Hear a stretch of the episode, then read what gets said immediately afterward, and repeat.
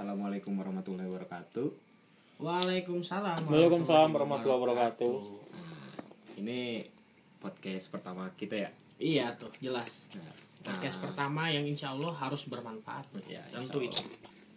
Nah, podcast pertama kita ini nih kalau misalnya temanya yang menurut gua nih ya, menurut gua ya kayak kita tuh ceritain uh, kayak sudut pandang anak-anak muda. Bener nggak? Iya. kayak sudut-sudut anak pandang-pandang eh sudut pandang anak-anak muda yang di mana kita ngobrolin apa aja. Ngobrolin apa aja tentang mengenai keresahan-keresahan kita tentang agama atau yang gimana sih menanggapi anak muda tentang agama kita ini kan? Agama Islam lah yang pastinya kan? Iya. ya banyak lah. Nah di sini gue ditemani sama bang Rapi. Akan bang. Kenalin. Eh, ya perkenalkan nama jangan gua ya. Kalau aku mah lebih Ya, eh, boleh. mending sopan gitu ya. oke. Au. selalu dah Nama saya Raffi. Sering, sering dipanggilnya memang Steven. Steve gitu kan. Steve. Kalau di orang lain kenalnya Steve. Oke. Nggak kenal Raffi tapi Steve gitu kan. Ya, saya asli USA kebetulan. saya asli USA, orang Sunda asli. Kebetulan lahirnya di Sukabumi tapi udah makan belum kebetulan kita makan sama-sama udah ya. Saya umurnya masih muda, sekitar ah 20 sampai 21 tahun lah gitu ya. Itu masih remaja banget gitu Oke, ya. oke, dihitungnya. oke. Jangan pemuda tapi remaja. Oke, remaja. Ya, remaja. tapi nggak kelihatan ke remaja ya Ya, gitu aja mungkin. Oh, iya, masih kuliah bang masih kuliah. di mana Saya kuliah di Universitas Islam Bandung di Unisba. jurusan jurusan jurusan eh, ekonomi akuntansi. Ini menarik, ini menarik. Kenapa saya pilih akuntansi? Karena Banyak tugas itu, Bang? oh itu jelas, Oh, itu jelas. jelas.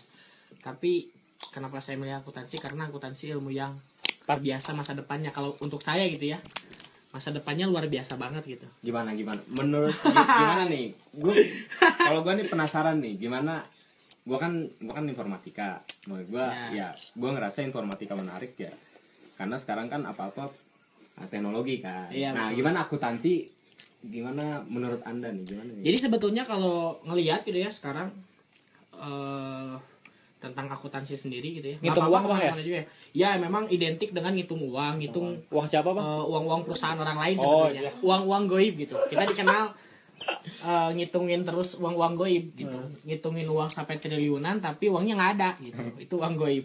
Tapi menarik justru hari ini kan kalau kita lihat di revolusi industri 4.0 iya iya benar kita kan Asik, dihadapkan dengan generasi robotik gitu ya, Hmm. di mana semua sudah tergantikan dengan robot. Ya. Kalau di kelas memang akuntansi eh, dalam segi pembelajarannya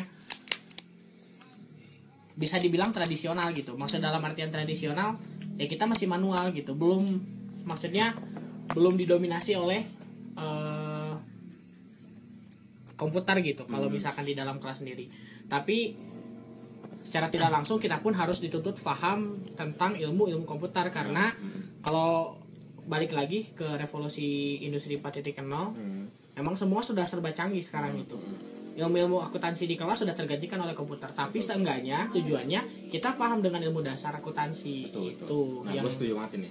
Nah. Karena ya menurut gue gue kan bisa ngoperasiin ngoperasiin komputer ya. Betul. Gue bisa bikin sesuatu gue bisa bikin tapi nyambung tapi nyambung. Iya, gue bisa bikin aplikasi akuntansi, tapi gue nggak ngerti akuntansi. Gue Nah, butuh orang akuntansi, ya, bener betul betul. Saling melengkapi lah. ya Betul. Nah, kalau dalam hubungan kan harus saling melengkapi.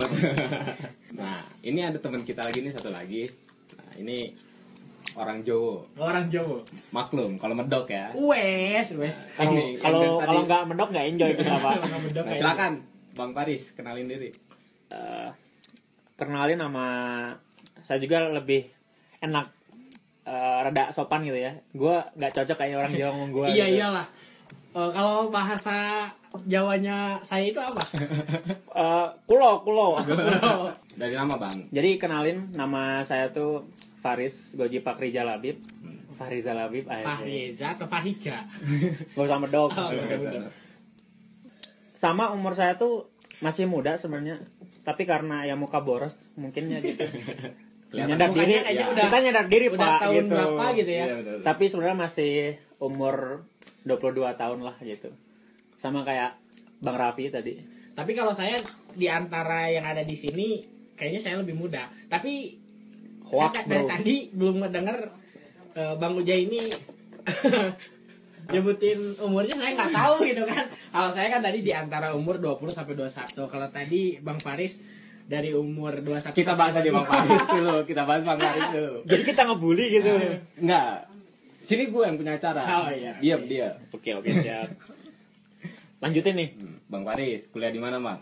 Eh, kalau kuliah sama kayak bang Raffi saya tuh di Universitas Islam Bandung Oh, Unisba ya. tapi bukan jurusan ekonomi gitu karena saya dari dulu head eh, hitungan hitung hitungan belet ya Gak suka ya sama matematika. kayak gitu? saya nggak suka tuh karena nggak bisa gitu jadi nyari yang lebih aman Iya, gitu Kadang sama teman-teman cara bicaranya gimana? Ya, lanjutkan, lanjutkan. Eh, saya kuliah di Fakultas Dakwah Dakwah jurusan. jurusannya cuma satu-satunya Hmm. komunikasi penyiaran Islam Oh. jadi lebih ke ini sih lebih ke digital communication gitu Ah. jadi yang sifatnya mimbar-mimbar gitu jadi dasar lah Iya, gitu ini kalau kalau kalian mau tahu nih ya, ini salah satu sebenarnya salah satu acaranya Bang Paris gitu kan. Cuman ya kita gimana kita ngobrol sharing yang enak gitu. Iya. Salah satu idenya Bang Paris kita bikin podcast di mana orang-orang muda ini atau teman-teman kita yang muda ini gimana sih cara kita ngobrolnya atau iya, gimana betul. pemikiran mereka gitu. berbagi pengalaman lah Karena mungkin kalau dilihat ya basic kita kan dulu sekolah di pesantren ya pesantren gitu ya, Ya. bisa dibilang pesantren. Lalu lanjut ke meskipun saya basicnya di Unisba Islam gitu ya, Hmm. tapi tidak menutup kemungkinan dalamnya itu kan ya kita nggak tahu ya. welcome to the jungle kan Ya, gitu welcome to the jungle memang betul-betul itu terjadi gitu. Udah. Makanya kita harus sama-sama sharing ilmu di sini, Bang, gitu. Gimana sih kehidupan di dunia kampus? Gimana waktu kita dulu di eh, SMA gitu ya, Hmm. di pesantren. Terus kita ke kampus, kita disediain dengan banyak ragam kultur gitu ya, kebiasaan-kebiasaan baru Betul, betul. yang baru kita tahu gitu di sana. Ya. Ini bang cocok banget nih. Kita mau ngebahas ini kan. Nah, sebagai orang-orang pesantren nih, kan keresahan nih. kesah gitu. Keresahan kita nih kan orang-orang pesantren keluar, ya kan? Keluar. Nah, yang di luar ini kan, nah guru-guru kita ini kadang-kadang suka apa namanya? Suka khawatir ya kan sama kita nih. Apakah murid-muridnya ngaji nggak? Apakah murid-muridnya bergaul dengan benar? Nih kan Bang Rapi nih sebagai orang yang istilahnya umum lah, kuliahnya di umum, jurusan umum lah. Tapi basicnya pesantren. Gimana nih ngerasain keadaan di sana nih gimana nih? Ya, kompleks ya ya memang kalau ditanya kayak gitu ya ya ini pinter-pinternya diri kita sendiri sebetulnya ya. karena kita sudah dikasih basic sebetulnya gitu ketika kita di SMA ketika kita di pesantren kita sudah diberi basic ilmu tentang agama Hmm. lalu pindah ke hal yang umum gitu ya Hmm. Di ekonomi di akuntansi hal yang umum banget gitu ya Iya. semua orang bisa masuk gitu Betul. bahkan di lain agama pun bisa masuk gitu Betul, kan ilmu-ilmu seperti itu Betul. ini pinter-pinternya kita bagaimana caranya kita bisa memilih dan memilah Hmm. itu yang paling penting gitu gimana caranya kita bisa memilih bagaimana kita cara bergaul dengan orang Hmm. lain bagaimana kita untuk bisa memilah baik dan buruknya bergaul dengan orang Hmm. tersebut gitu ini harus pinter-pinternya diri kita sendiri gitu Iya. meskipun basic kita di agama dulunya di pesantren tidak menutup kemungkinan ketika kita masuk ke dunia kuliah ketika kita masuk ke dunia umum Hmm. kita bakal tergerus oleh hal tersebut gitu baik atau buruknya kan kita nggak tahu Betul, betul. tergerus ke hal yang baik atau tergerus ke hal yang buruk gitu. Betul betul betul. itu sih jadi itu kuncinya di diri kita sendiri sebenarnya kalau pondasinya kuat jalannya pun pasti kuat bangunannya Oh, pun pasti iya, betul. kuat Berarti kita jangan sampai kita harus nguatin pondasi dulu kan. Iya. Pondasi kita yang dulu di sekolah pesantren atau Betul. kalian yang sekolah pesantren ya. Jangan sampai lupa Iya. kan, tentang sholat lima waktunya atau ngajinya. urusan jati diri sih itu Urusan kan jati diri kita yang dulu di pesantren itu jangan sampai lupa gitu. ya paling minimal kita eh, sebisa mungkin harus menjaga sholat lima waktu Betul. itu yang paling Itulah. penting Betul. Pondasi agama ya sholat. betul yang agama sholat. Nah, nih Bang Faris gimana nih? Kalau beda nih pertanyaannya. gimana gimana gimana kalau Bang Paris kan pesantren Hmm. ya kan kemudian jurusan dakwah tapi yang menariknya nih kan apa sih jurusannya komunikasi komunikasi Penyiaran nah, Islam. penyiaran Islam nah gimana nih sebenarnya gue kurang ngerti nih komunikasi penyiaran Islam tuh kayak gimana jadi gini gitu emang benar tadi kata bang Raffi itu emang entah bang Ujay bang Raffi itu saya tuh emang satu atap dulu kan satu Iya, atap iya. di pesantren yang sama gitu Malah kita dulu bikin geng yang namanya seatap gitu ya. Wis, Iya. gila, kas. Bukan saat dulu kas, namanya apa sih? Eh, legasi. Legasi, Legasi. Jadi gini, eh, emang basic saya tuh pesantren. Hmm. Pesantrennya tuh ya pesantren modern ya dibilang ya. ya Pesantren modern. Begitu masuk Unisba, yang dibilang tuh basicnya Islam, tapi kan semua terhimpun di situ gitu. Betul, semua semua basic dari seluruh ormas tuh jadi satu di situ betul, gitu. betul, betul, betul. Sedangkan kalau dikatakan di fakultas dakwah sendiri gitu kan. betul. Jadi fakultas dakwah tuh sarjana misalnya esos sarjana sosial gitu. sosial Sarjana sosial. bukan sarjana komunikasi Nah, dulu tuh sempat ada namanya sarjana komunikasi Islam. ya Tapi sekarang dihapusin biar lebih eh, menyeluruh diganti jadi sarjana sosial gitu. oh, sosial oh iya Heeh. Nah, gini yang menjadi pertanyaan banyak orang termasuk Bang Ojai ini gitu. Ah, Itu gimana sih gitu maksudnya Iya. tuh? kayak karirnya ke depannya Nah, gitu. gitu. kayak misalnya kuliahnya kayak gimana Hmm. karirnya kayak gimana gitu kan Karena kan kalau orang eh, stigma orangnya atau perspektif orang melihat dakwah itu kan ya setelah lulus mungkin jadinya pendakwah, Iya. penceramah kan gitu-gitu kan. Mm-mm. Iya, iya. Makanya mungkin ini bisa menjadi ilmu baru buat teman-teman gitu yang Iya. mendengarkan podcast ini gitu kan. Iya. Eh, gini, kalau misalkan kita lihat dari stigma yang ada di masyarakat kan dakwah tuh selalu dikata eh, selalu gimana ya yang terngiang di otak kita tuh ketika dikatakan dakwah tuh oh kita di mimbar gitu oh iya oh kita di masjid gitu Hmm. ya emang bener tapi kan tapi yang saya sadari sendiri gitu setelah masuk fakultas dakwah Unisba ini tuh eh ternyata dakwah tuh bukan di dalam masjid aja gitu Hmm. tapi gimana caranya kita eh mempengaruhi orang lain sih gitu Iya, bener. yang lebih tepatnya mengajak bukan mengejek gitu Hmm. bener nggak sih Iya, bener nggak karena beda gitu kalau misalkan kita mengajak orang lain kepada jalan yang benar tuh bukan caranya kita maki-maki. Bukan caranya kita eh, ibaratnya eh, ngeledek dia. Enggak enggak kayak gitu. Jadi lebih gimana caranya sih kita menarik perhatian orang untuk lebih melihat kepada agamanya agama Islam Hmm. tapi dengan cara yang selembut mungkin gitu. Ah, jangan yang ibaratnya tuh eh, ngejek kamu basicnya apalah gitu. Temen lagi malas sholat malah di contohnya kayak gini ya kayak misalnya gue kan makan pakai tangan pakai tangan kiri, Tangan kiri ya, kan gitu. oh, dasar setan lu gitu kan iya kayak gitu kan Iya, iya, Jack. contohnya kan sebenarnya kalau misalkan eh, konteksnya udah deket Hmm. itu mah nggak apa-apa Hmm. kan nggak akan nggak akan sakit hati lah Iya, betul, tapi kalau misalkan si matu atau ojeknya ini orang lain gitu Hmm. ya kita ngomong eh lu yang makan pakai tangan kiri darah setan lu gitu kan kan nggak boleh kayak Iya, gitu iya. gimana dia mau dengerin apa yang disampaikan dalam agama kalau misalkan kita menyampaikannya juga salah gitu Betul betul. Nah, kita tuh sebagai sebagai manusia tuh sebenarnya kata dakwah tuh udah melekat dalam diri kita sendiri. Cuma stigma masyarakat tuh ketika mendengar kata dakwah tuh, oh, orang terlalu fanatik Islam nih gitu. Iya, iya. Padahal enggak, dakwah tuh secara secara apa nya secara bahasa gitu kan kalau di bahasa Indonesia kan tuh lebih ke mengajak gitu, lebih ke komunikasi. komunikasi ke orang lain kayak gimana. Makanya sarjananya di sana tuh sarjana sosial, Oh. lebih ke sosial gitu. Ya berarti kan secara tidak langsung kalau yang saya tangkap gitu ya, Bang J, Hmm. eh, ini tuh bicara masalah komunikasi kita ke terhadap orang lain. Nah, itu Bagaimana cara komunikasi kita dapat diterima oleh orang lain Hmm. dengan selembut mungkin. Nih ada teman kita lagi nih datang. Oh iya iya. Bang Doni. Oh iya ini Bang kita, Doni. Kenalin dulu Bang Doni. Ngedeket sini biar suaranya kedengeran. Bang Doni Udah makan belum, Bang? udah makan belum Bang? Udah dong Udah, tadi udah ya. makan. Tapi nggak bagi-bagi Bang. Iya kan kita beda gitu kan jauh. Kebetulan dia baru datang ini. Iya, Ter- iya. Terlambat biasa. Nama biasa kan macet di jalan gitu. mulu nih. Aduh gimana? Dia lo imah deket. Bang Doni kenalin diri. Namanya siapa Bang Doni? Perkenalkan nama saya Doni Subagja.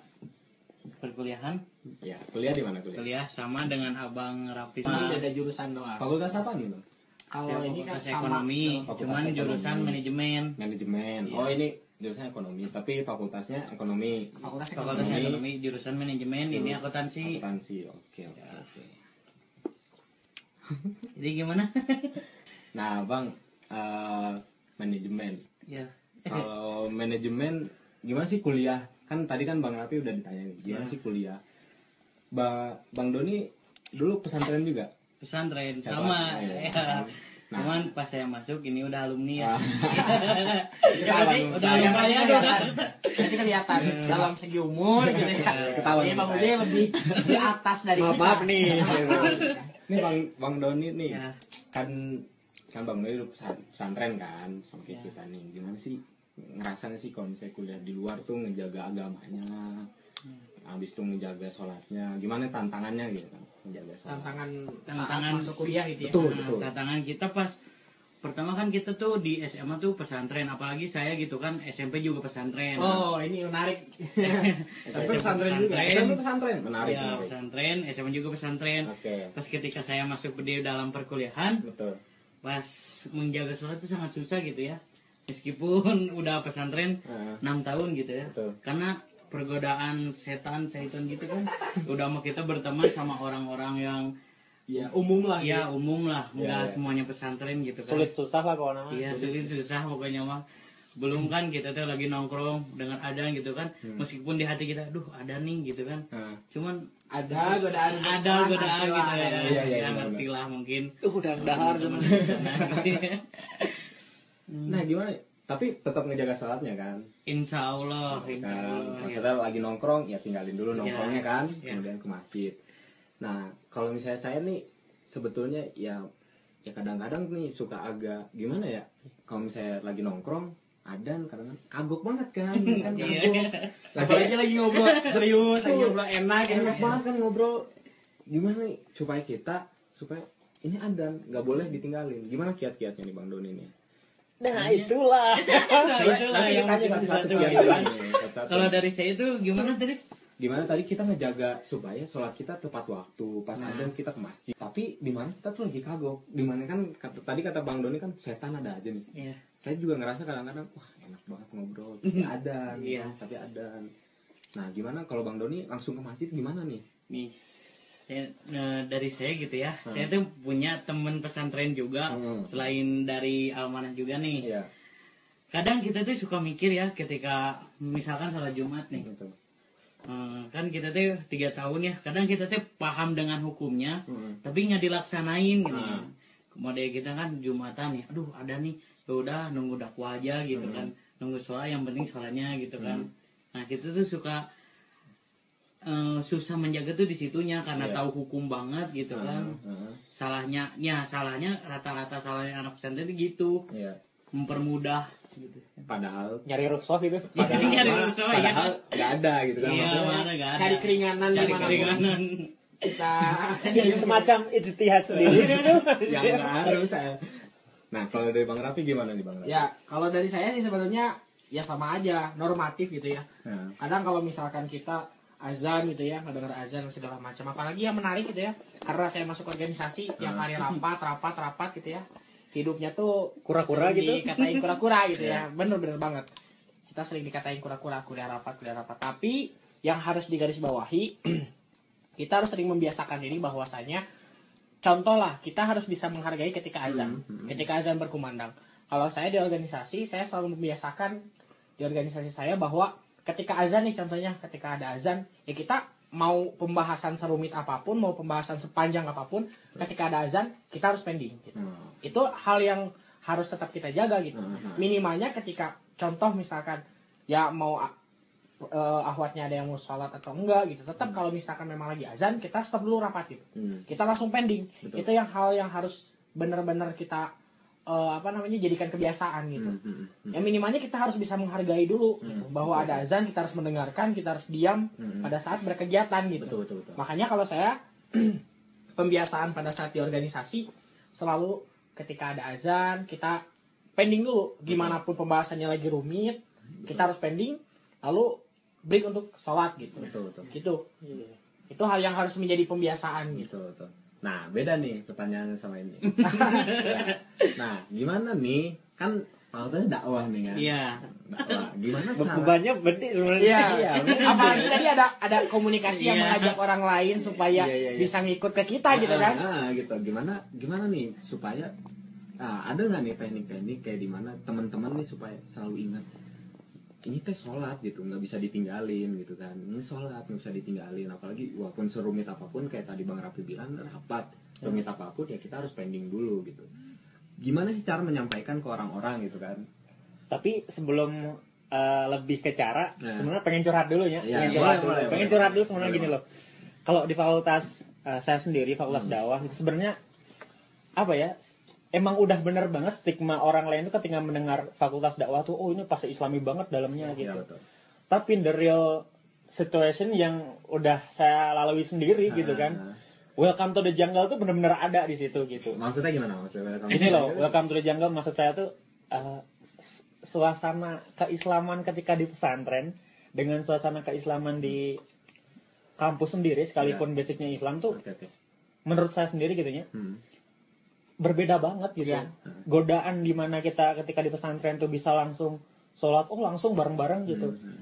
di universitas tuh nggak kayak gitu bro gitu jauh jauh dari Ya. kayak gitu Jadi kalau eh, gini Mas, kalau misalkan di eh, basic kita pesantren, Hmm. ya mau tidak mau ketika mendengar Iya. suara azan, kita dituntut mungkin ya Iya. sedikit Iya. dituntut untuk harus sholat gitu. Hmm. Beba be- beda dengan ketika kita ada di kampus gitu. Bener welcome to the jungle. Kita di hutan tuh kan bebas. Iya, ya. betul. Kita di hutan bebas. Jadi kalau misalkan ketika kita di kampus mau sholat mau enggak pun nggak akan ada yang eh, ngelarang gitu. Nah. Ya mau sholat silahkan, ya mau enggak pun nggak jadi masalah gitu. Nah kan itu itu kan di fakultas umum. Ya. Tapi kan kalau fakultas saya sendiri itu ketika misalkan udah azan nih gitu, kita sebagai anak fakultas dakwah nggak ke masjid itu sebenarnya ya urusan cuek atau tidak gitu kan. Yang cuek ya bodo amat gue fakultas dakwah, yang penting gue masuk kuliah. Hmm. Tapi kan kalau yang saya rasakan sendiri gitu ya, aduh bebannya tuh gede banget ketika Hmm, berada dalam fakultas dakwah, terus eh, mendengar eh, pendapat orang lain tentang tentang anak fakultas dakwah tuh kayak gini gitu. Sholat kok masih pada nongkrong di luar ngerokok ngerokok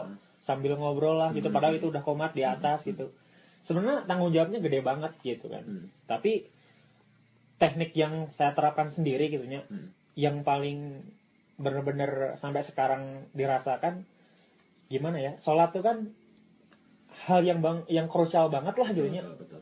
nggak ada lah yang ibaratnya nggak kita lakukan dalam setiap harinya Ah. kecuali sholat menurut saya gitu Hmm. kan itu tuh dalam sehari lima waktu gitu Hmm.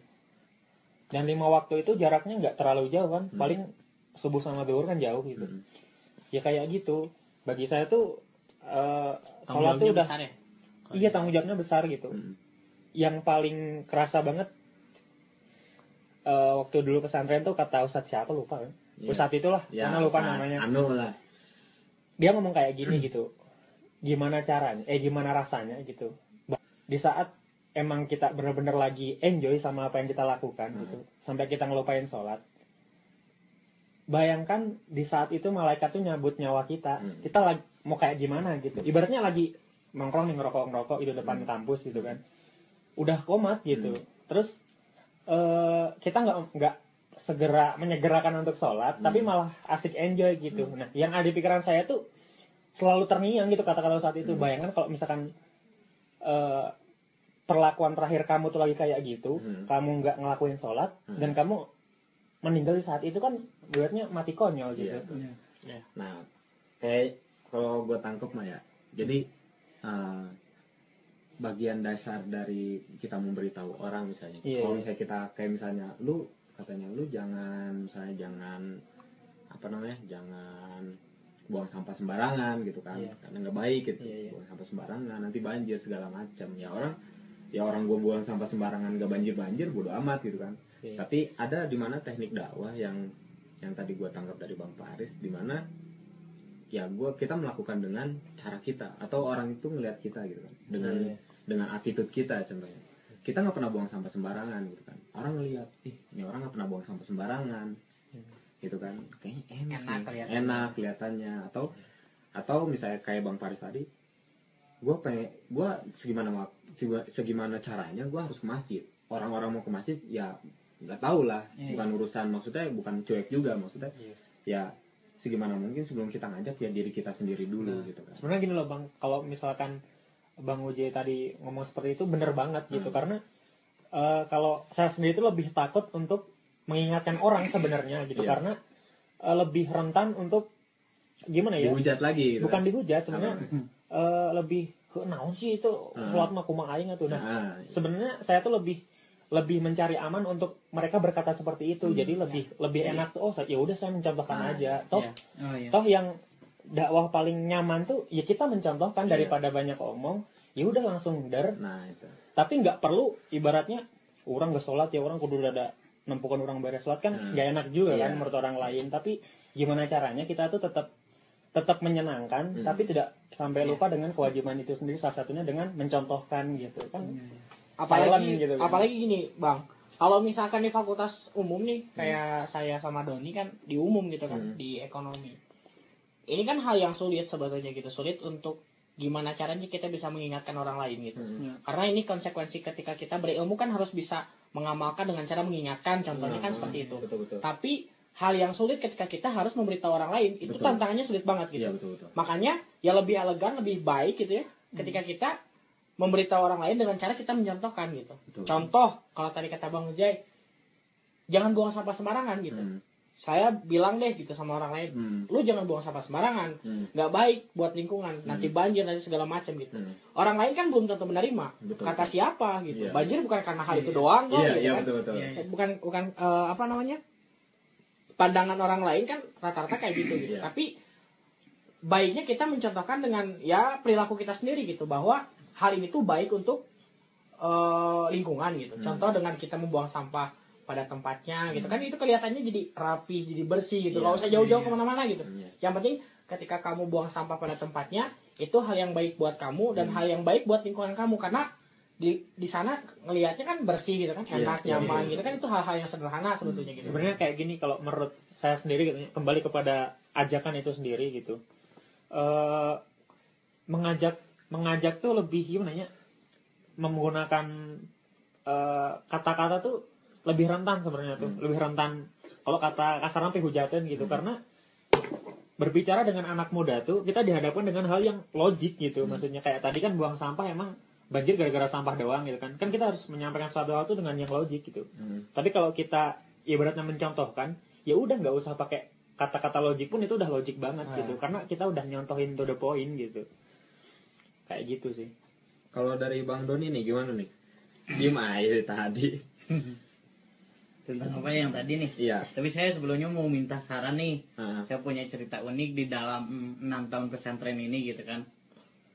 Eh, saya tuh kan enam eh, enam tahun pesantren. Hmm. nah SMP sama SMA tuh beda gitu kan. Beda di beda pemahaman lah istilahnya Iya, gitu kan. ketika saya SMP di sini disebutnya apa ya? Boleh boleh. Ya kan saya SMP tuh NU gitu kan. Iya, iya. nah ketika saya masuk eh, SMA itu Salafi sedangkan harokahnya lah gitu ya otomatis kan itu be- eh, dua pemahaman yang berbeda Hmm. Nah, di sini eh, saya tuh pas ketika saya keluar gitu kan banyak diskusi, banyak ngomong gitu kan. Hmm. Nah, m- mereka-mereka yang nurusin dari NU ke NU tuh banyak kan ketika saya ber- bercerita mereka tuh ini beda, ini beda. Nah, eh, pen- saya mau minta saran gitu ketika eh, hadapin orang-orang kayak gitu teh gi- gimana sih gitu kan. Jadi Oh. Ya, pandangan Ya, mungkin ya, ya, pandangan pandangannya pandangan. iya pandangan gitu. ini kan kalau misalkan tadi NU sama Salafi ini Iya. kan nggak berbeda kan masa akidah Iya, paling cuma apa ya senang amalan Level amalan. Ya. Iya. Kalau kalau menurut gua mah ya ya kan itu kan berbeda masalah fikih aja sih sebenarnya kan. Hmm. Masalah fikih yang yang yang belum tahu kan kita dulu pesantren ya kita sama-sama satu pesantren dulu kan teman-teman sama Bang Doni sama Bang Rapi sama Bang Fars ini satu pesantren. Nah kalau misalnya disebut sama orang NU sebenarnya nggak beda sih sebenarnya. Cuman kayak kalau kalau misalnya kayak setahu saya kalau orang NU itu ngambil mazhab Syafi'iyah gitu kan, Iya. Syafi'i. Syafi'i itu jadi kebanyakan orang Indonesia itu ngambil mazhab Syafi'i sedangkan kita ngambil mazhab Hambali gitu. Hmm. Sebenarnya nggak nggak nggak jauh, nggak beda gitu eh sebenarnya. bentar bang eh mazhab tuh ada berapa sih Ada empat. oh, ada empat apa aja Empat. Yang pertama itu Hanafi, Hanafi Imam eh, Imam Hanafi, yang kedua Imam Malik, yang ketiga Ahmad bin Hambal bukan yang ketiga Imam Syafi'i, Oh, Imam yang Syafi'i. terakhir tuh Imam Ahmad bin Hambal. Nah itu murid sama guru semua, itu murid sama guru semua dan mereka itu ya sama pemahamannya gitu. Cuman yang cuman apa namanya ada beberapa kasus yang kita tuh emang beda. Dari contohnya ya meng- mengenai masalah fikih sih banyaknya kan. Iya, masalah iya. fikih yang ada yang ada sholat tarawihnya dua tiga ada yang Iya. sebelas contohnya gitu kan. Nah itu sebenarnya pertama kita harus nyari persamaan kita dulu. Iya. jangan nyari perbedaan. Iya, iya, ya kan? Persamaan kita ketika kita ngomongin masalah syariat atau fikih ini kita pertama nyari apa dasarnya dasarnya pasti dua. Al-Quran sama Sunnah. Iya. ya kan? Al-Quran sama Sunnah. Nah, apa yang ada di Al-Quran apa yang sudah di apa namanya? Di eh, di apa namanya? Di difirmankan oleh Allah. Kemudian apa yang ada di hadis. Itu ya kan? Nah kemudian baru kita mencari apa sih perbedaannya di mana? Maksudnya Iya. perbedaannya karena apa gitu kan contohnya kayak sholat kayak misalnya eh, sholat 23 kenapa sih bisa sholat 23 dicari tuh sejarahnya Iya. Nah Rasul pernah nggak mencontohkan sholat 23 gitu kan? Kalau misalnya pernah, ya kenapa? Penyebabnya apa? Nah gitu kan, penyebabnya apa? Kemudian kenapa Rasul 23? Dan Rasul juga pernah 11 nggak gitu kan? Pernah 11 nggak? Apa kemudian ada hadis Rasulnya yang eh, yang menyebutkan kalau misalnya itu 11? Karena ada hadis Rasulnya yang menyebutkan itu 23. Nah itu harus dicari dulu. Yang kita mau ini salah, ini enggak. Ini harusnya 11, ini harusnya 23 jangan sampai kayak gitu. Taklidnya? Taklid buta namanya gitu. Jangan. Soalnya kita nggak kalau menurut gua sih ya ya menurut pandang gua ya kita nggak boleh ngomong apa kata ustadz kita gitu. Apa kata Hmm, iya, iya. kita. Apa yang ada di hadis apa yang ada di Al-Quran gitu itu pembahasannya bakal panjang. Bakal panjang banget. Iya. ya gua dulu contoh kayak masalah apa namanya zikir bersama. Iya. ceritanya zikir bersama. Karena dulu gua kan eh, pesantren dulu kita ini kan tidak dibiasakan atau tidak mengambil yang zikir bersama kan Hmm. atau enggak nah, zikir bersama. Habis itu ada yang nanya ke gua eh, Jai zikir bersama tuh kayak gimana sih? Kok ada yang orang nganggap itu tuh bid'ah gitu kan. Kok ada yang nganggap itu bid'ah? Ya gua kalau gua sendiri gua kalau gua sendiri gua bilang untuk menyampaikannya gua bilang gua nggak zikir bersama karena gua tidak menemukan di di hadis atau di hadis Rasul atau di mana pun yang menyebutkan kalau Rasul itu zikir bersama gitu tapi kenapa di Indonesia ada zikir bersama gitu. Iya. nah saya itu kan nah gua kasih tahu dulu sejarah di Indonesia itu para imam itu atau orang para imam yang mendakwahkan wali bukan sih ya wali kan wali songo itu ya wali songo Iya. itu yang menya- yang mendakwahkan Islam di Indonesia, Indonesia. itu ya mereka itu cara eh, cara men- menyampaikannya dengan pembiasaan Ya, Hmm. pembiasaan Nah, gimana cara pembiasaannya kalau misalnya yang udah pernah di pesantren-pesantren gitu kan kayak misalnya kita baca misalnya kayak baca apa ngapalin Quran Iya, rame-rame gitu kan ngapalin kitab rame-rame gitu kan Hmm. ngapalin apa nah zaman dulu itu uh, zikir itu rame-rame gitu kan Oh. supaya apa Mudah supaya nah mudah diingat Oh. mudah dihafal oleh masyarakat gitu kan masyarakat mana ngerti bahasa Arab bener nggak Iya, Mana bener. ngerti disuguhin gitu bahasa Arab ya orang nggak tahu bahasa Arab gitu Iya, kan iya. akhirnya supaya mereka bisa bisa hafal dulu nah Wali Songo itu mengajarkan dengan cara seperti Iya. itu gitu Ya, jadi mungkin secara tidak langsung kan itu hanya merupakan metode sebetulnya gitu kan.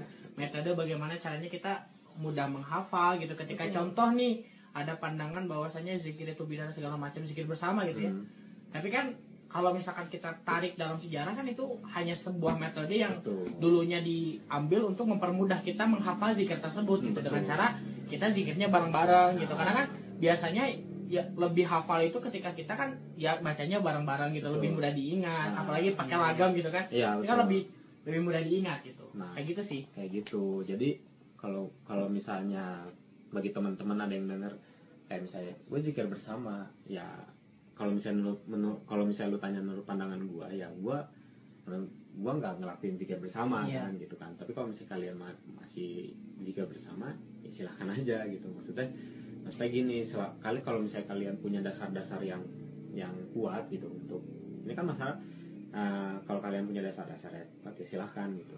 Hmm. dan yang setahu yang setahu gua nih ya yang setahu gua jika bersama itu akhirnya di akhirnya dianggap syariat itu karena ada beberapa orang yang nggak tahu.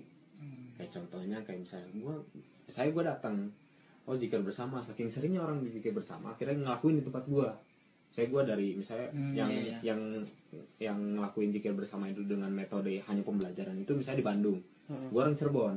Gua datang ke Bandung ya kan? Gua gua belajar di, di Bandung gitu belajar agama di Bandung.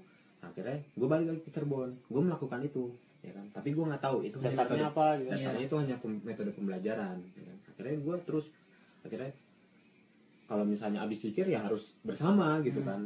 Nggak boleh gitu. Setahu gue kayak gitu. Jadi akhirnya lama-lama ke sini akhirnya disyariatkan. Akhirnya menjadi syariat. Yang itu menurut gue nggak boleh gitu. Kalau gue kalau misalnya ma- masalah ada perbedaan gitu ya ya gue cari dulu sih biasanya cari Iya, dulu iya. kenapa sih kayak kunut gitu kan. Kalau gue kayak misalnya ada orang bilang kunut wajib gitu kan. Kayak ada kunut wajib yang menurut gue ya kunut sunnah gitu kan. Gue sun- sunnah. Karena kalau misalnya ditarik sejarah kenapa orang kunut gitu kan? Rasulullah kunut. Iya. gue tahu ada ada beberapa ada ada hadisnya ada uh, contoh rasulnya juga kalau beliau kunut.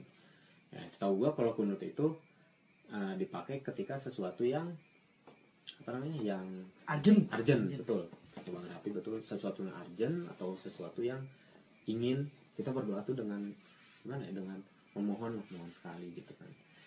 Nah kenapa jam jam- kenapa kita sering kunut subuh? Di Indonesia itu yang setahu gua ya kayak kayak misalnya di Saudi kayak misalnya di ini setahu gua ya. Iya. setahu gua itu nggak ada kunut nggak ada kunut subuh. Kenapa di Indonesia ada kunut subuh? Kalau misalnya ditarik sejarah lagi zaman dulu itu istilahnya kita setiap hari perang ya kan? Setiap hari perang ya kan? Setiap hari ya kita diancam sama musuh-musuh ya kan? Setiap hari perang ya subuh subuh kita habis bangun subuh sholat ya kunut kita minta perlindungan kepada Allah iya iya supaya kita memenangkan perang atau kita untuk supaya mati syahid atau Iya. apa pun itu kan kita ya meminta lah akhirnya keseringan keseringan gitu Ya, akhirnya ya dijadikan sebuah apa namanya jadikan sebuah kebiasaan dan ada lagi gitu lagi balik lagi ada orang yang nggak tahu kayaknya ini sebuah syariat berarti Oh, poinnya iya. di situ kan orang yang nggak tahu Iya, gitu. makanya itu kalau misalnya kita ada sesuatu tentang agama ya menurut gue ya menurut gue kita cari tahu dulu itu benar apa enggak. Iya iya iya. Jangan kita bilang oh ini tuh harus dilakuin. Oh ini tuh enggak. Kita cari dulu. Dengan dua dasar itu itu ada di Al-Quran apa Sunnah? Ada nggak sih gitu? ada nggak sih gitu kan? Ya kalau nggak ada kita kita cari tahu dulu. Kayak gimana hukumnya kita nanya sama orang yang lebih ngerti atau orang yang lebih kayak gimana gitu. Menarik sebetulnya kalau pembahasan seperti itu kan panjang lebar ya. ini Ya, perlu Iya, perlu iya. segmen khusus kayaknya ya Ya, segmen khusus kayaknya. sebenarnya gue jadi gue yang ngomong gue nanya sebenarnya ini. nggak apa-apa gitu Gitu kan ilmu bang sharing sharing ya sharing ya nah gue sih kayak kayak pengen lebih tahu aja sebenarnya gue Iya. kepo kepo sama temen-temen ya sama temen-temen yang istilahnya kayak kehidupan kehidupan di luar gitu Iya. Soalnya kan kayak gimana ya kayak apalagi bang Rapi nih kalau teman-teman mau tahu nih kahim Wis. kahim Kahim kas. kahim khas sebutin dong